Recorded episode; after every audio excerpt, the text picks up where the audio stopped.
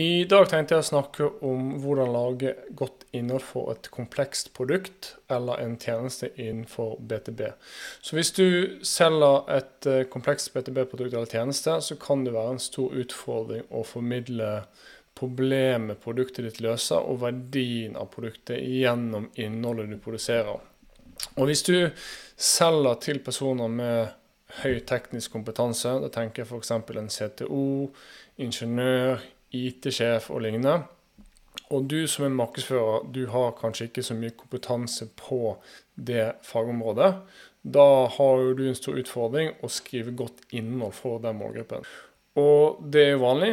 Markedsførere de kan eh, innhold. De, kan, altså de, kan, de, vet hvordan de produserer en god bloggartikkel. Eh, de vet hvordan de bruker et CRM-system, annonse plattformer som LinkedIn og Facebook osv.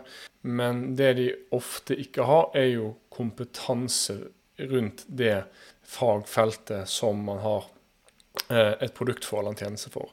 Eh, og i tillegg, for å gjøre den utfordringen litt tøffere, er jo at mange markedsavdelinger de har lite ressurser. De har kanskje ikke noen dedikert person til å jobbe med innhold. Og det er i tillegg usannsynlig at de som er fageksperter, de som er på en måte tankelederne i selskapet eller i bransjen din, det er usannsynlig at de kommer til å sette seg ned og bruke fire, fem, seks, syv, åtte timer på å skrive en bloggartikkel eh, for deg. Og du trenger mye innhold for å lykkes med strategi over lang tid. Så det er ikke bare én bloggartikkel, men det er snakk om titalls eller flere hundre over, over flere år. Så innhold er essensielt. Det er det som gjør det synlig. Det er det som formidler problemet du løser, verdien av det du selger. Det er innhold som er på en drivkraften som gir deg og din bedrift flere varme leads. Og spørsmålet er hvordan du produserer innhold for et komplekst BTB-produkt, og hvordan produserer du mye av det. Og hvis du selger et komplekst produkt og skriver om et teknisk tema, så vurderer du kanskje å ansette et byrå eller en frilanser for å gjøre jobben for deg. Og det finnes jo mange gode byråer og dyktige frilansere som kan skrive innhold for, eh, for, bedrifter. Men de som er skikkelig gode, og som kan komplekse fagfelt som ja, IOT, compliance, industriell automasjon, de kan være vanskelig å finne, og de kan være dyre å ansette. Så det er absolutt ikke lett å finne eh, Det er ikke mange tekstforfattere for eksempel, som er, som er kjempegode på, på cybersikkerhet i tillegg. ikke sant? Og teknisk innhold, det er fort vanskelig å sette ut eller outsource til et spesialisert byrå. Og det kommer fra en som har jobbet kun med BTB i syv år, og så, som jobber med komplekse BTB-bedrifter. Eh, det de fleste bedrifter gjør, er at de hvis de skal produsere innhold, så betaler de et byrå, en månedlig en retainer, som det kalles. Og så får man gjerne kanskje en bloggartikkel i uken og en e-bok i kvartalet. Og jeg ser hele tiden at bedrifter de begynner med en sånn tilnærming. De har veldig tro på innhold som eh, en strategi for å levere flere varme leads og bli mer synlig i markedet og posisjonere seg som en fagekspert. Men så er det ofte slik at innholdet ikke er bra nok for målgruppen. Man får ikke resultatene man ønsker, og så dabber innholdsproduksjonen og frekvensen den, den, den går nedover og nedover. Så jeg tror den modellen med å ha en å outsource innholdsproduksjonen, skrive en bloggartikkel i uken som er kanskje 600 800 1000 ord lang, og så har du en e-bok i kvartalet. Den modellen den er litt utdatert, og den er ikke så effektiv som den en gang var. Og med tanke på distribusjon, så den modellen er jo avhengig, eller den er veldig fokusert på at man bare passivt skal vente på at noen finner det i et Google-søk. Um, så, så, man gjør kanskje bare noen enkel søkemotoroptimalisering, og så sender man ut et nyhetsbrev, og så uh, har man ikke noe særlig annen distribusjon enn det. Men det, det er en liten digresjon. Men hvis du uh, retter deg mot si, beslutningstagere og personer på, det, på et litt høyere nivå i bedriften. Igjen CTO-er, IT-sjefer, ingeniører. Hvis innholdet er av lite substans, det er lite innsikt, så gjennomskuer de det veldig fort. Eh, de vil raskt se at det ikke er noe verdi i innholdet du tar ut. Og hvis en tekstforfatter skriver innhold rettet mot CTO-er f.eks., og de har ikke gjort den jobben, de har ikke en forståelse for problemene de har og, og jobben de gjør, eh, så er det også vanskelig å skrive godt innhold. Altså, du, kan, du kan få produsert innhold, men bra innhold, det er noe annet. Um, så jeg kan salg, jeg kan markedsføring. Jeg kunne alle skrevet om cybersikkerhet. Uh, men det som jeg vet, jeg vet jo hvordan et godt blogginnlegg f.eks. ser ut. Jeg vet hvordan det skal formateres, eh, hvordan optimalisere det for søk, hvordan distribuere det i sosiale medier osv. osv. Men jeg tror det, flest, de, det største problemet er jo at det er veldig mange byråer som produserer innhold der ute, som ikke har innsikt nok om eh, problemet til målgruppen og, og, bransjen de produserer innhold rundt, eh, som gjør at eh, innholdet ikke blir bra nok, som igjen gjør at målgruppen ikke engasjerer seg med innholdet, de vil ikke følge deg, og um, de kjøper ikke av deg. Um, så du ender i bunn og grunn opp med at du har innhold som er for, av, av lav kvalitet. Uh, og det gjør at folk enten er likegyldige til produktet, nei, til innholdet, mener jeg, eller i verste fall det kan, det kan føre til litt negativ oppfatning av bedriften. Så den CTO-en eller IT-sjefen som du prøver å tiltrekke, de tenker at OK, på denne bloggen er det bare fluff, det er ikke noe innsikt å, å, å, finne. Så man kommer aldri tilbake igjen, og, og man klikker ikke på annonsen din neste gang. Så hvordan kan en liten maksavdeling med få ressurser skape godt innhold, teknisk innhold som er komplisert, for et eh, BTB-produkt eller en tjeneste? Og jeg mener at du trenger både altså du trenger mye innhold, du trenger en høy frekvens, og det skal publiseres ganske ofte. høy frekvens. Eh, og så må kvaliteten også være høy. Det er ikke noen motsetning at innholdet både publiseres ofte, og at du kan publisere høy kvalitet. Du kan, du kan få til begge. Um, og så ikke minst av det innholdet som du produserer, at det er tilpasset hver kanal som du publiserer i. Så med den, den tradisjonelle ruten som jeg nettopp beskrev, den mener jeg ikke er optimal, ehm, og innholdet ikke bra nok. Så jeg tror løsningen det tenker mer som en journalist. Så dette er et, si, et tankesett eller et konsept hvor du kan skalere kvantitet og samtidig opprettholde kvalitet uten å trenge et enormt budsjett for å produsere innholdet ditt. Men dette krever litt endring i holdning og tankesett når man jobber med innholdsproduksjon. Ikke bare for markedsavdelingen, men også eh, for hele bedriften. Og jeg tror den store feil bedrifter gjør, eh, og dette er en feil jeg har gjort selv, det å legge altfor mye av presset på innholdsprodusenten eller, eller, skribenten. Fordi at Hvis du har en dyktig forfatter eller redaktør, og de er flinke til å skrive, altså de vet hva en god tekst er for noe, de kan redigere, de kan formatere, de, de, får en god tekst produsert. Eh, og de kan få innholdet til å se bra ut osv. Men det er ikke de som sitter på innsikten om markedet og målgruppen om produktet. De har gjerne ikke innsikt i IOT eller compliance eller cybersikkerhet. Deres fagekspertise er å skrive eller lage, eh, lage video eller hva en slags type innholdsprodusent de er. Og hvis du jobber i et byrå, hvis du er frilanser, så kan du heller ikke være en fagekspert på seks-syv ulike temaer eh, og ulike bransjer. Og jeg har også jobbet med mange gode tekstforfattere, men også de kan slite med å produsere eh, de, de, kan produsere godt innhold, men det er ofte at det blir så mange revisjoner, og prosessen med å produsere en teknisk god tekst, f.eks., det tar ofte for lang tid. Eh, fordi de ikke forstår eh, temaet godt nok. Eh, så de kommer der etter mye prøving og feiling og revisjoner, men for en moderne innestrategi som trenger en høyere frekvens, så, så, så, er det ikke optimalt etter min mening. Så dette med å være en journalist og ikke være forfatteren, det betyr én at du ikke skal lage alt innholdet fra bunnen av. Så det betyr at man skal kurere innhold istedenfor å starte helt, helt fra starten. Og hvis du lager alt innholdet fra bunnen av, så trenger du som sagt gjerne forfatter f.eks. For med fagkompetanse innenfor det feltet.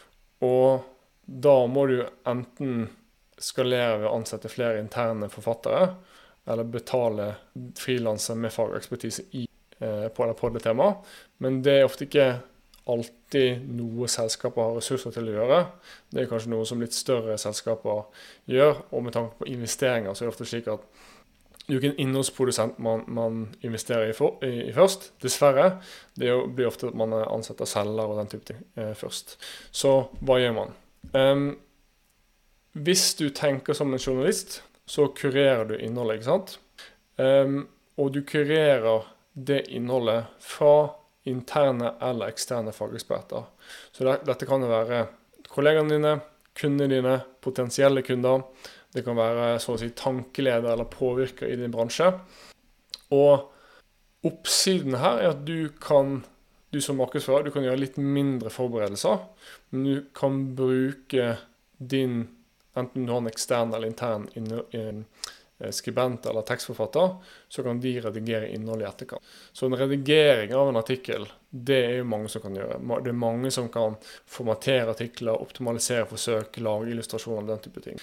Men selve prosessen eh, med å samle inn innsikt som er verdt å dele, Eh, det er det som jeg tenkte å, tenkte å, beskrive nå. Så hvordan du faktisk produserer mye BTV-innhold. Så du har kanskje mange ideer til temaer som du vil lage innhold rundt.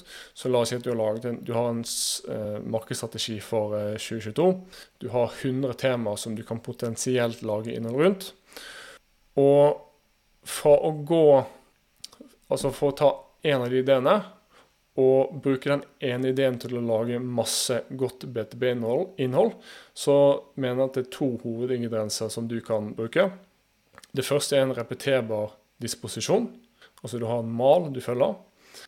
Og så trenger du en fast aktivitet i kalenderen som du gjør på gjentagende basis. Eh, forhåpentligvis eh, ukentlig eller eh, månedlig. Og det foreslår jeg enten ideelt så er det en videopodkast eller så er det en livestream, sånn som jeg gjør nå. Eller så er det et intervju eh, i noen ulike formater. Så dette er ekstremt viktig, fordi at denne aktiviteten, avhengig av hva du velger, det er liksom opprinnelseskilden til resten av innholdet ditt. For dette er innhold som kan gjøres om til andre typer, inn, uh, andre typer av innhold til de forskjellige kanaler du er aktiv i, med ulike vinklinger. Så det som er en sekundær eller en veldig viktig eh, og grei fordel med eh, den, den gjentagende aktiviteten, er at det er litt enklere å involvere eh, interne fageksperter eh, på den aktiviteten. Du vet at hver onsdag klokken ett så er det en da er det et podkast, f.eks. Um, sette terskelen lavt for å delta på den aktiviteten. Så det er viktig å ha, ha den kalenderen. Så igjen, du vil ikke få en administrerende direktør eller en som jobber mye med kunder, eller ingeniør til å skrive for deg. Um, de jobber ikke med markedsføring, og de kan ikke bruke sin verdifulle tid til å, å gjøre, gjøre, altså redigere artikler den type ting. Så la oss si at du velger for din bedrift, så velger du å ha en fast videopodkast med noen i din bransje eller i, i ditt selskap. Uh, det kan være Kanskje at du har eh, en fast gjest. At du kanskje, La oss si at du intervjuer administrerende direktør. Eller så kanskje du har mer en sånn rullerende gjesteliste med, med interne og eksterne fageksperter. Og det du gjør, er at du har en disposisjon, en struktur. Og når du har en struktur, så er det veldig mye enklere å eh, oversette innholdet, så å si, til andre formater og kanaler. For du har sikkert hørt at det er viktig å gjenbruke innhold, men det som jeg tror veldig mange eh, ikke tenker på, er at det innholdet må være tilpasset, altså det må være mer kontekstuelt for den spesifikke kanalen som du eh, gjenbruker innholdet for. Um, så det må være enkelt å konvertere f.eks. et videoopptak og lydopptak til andre formater.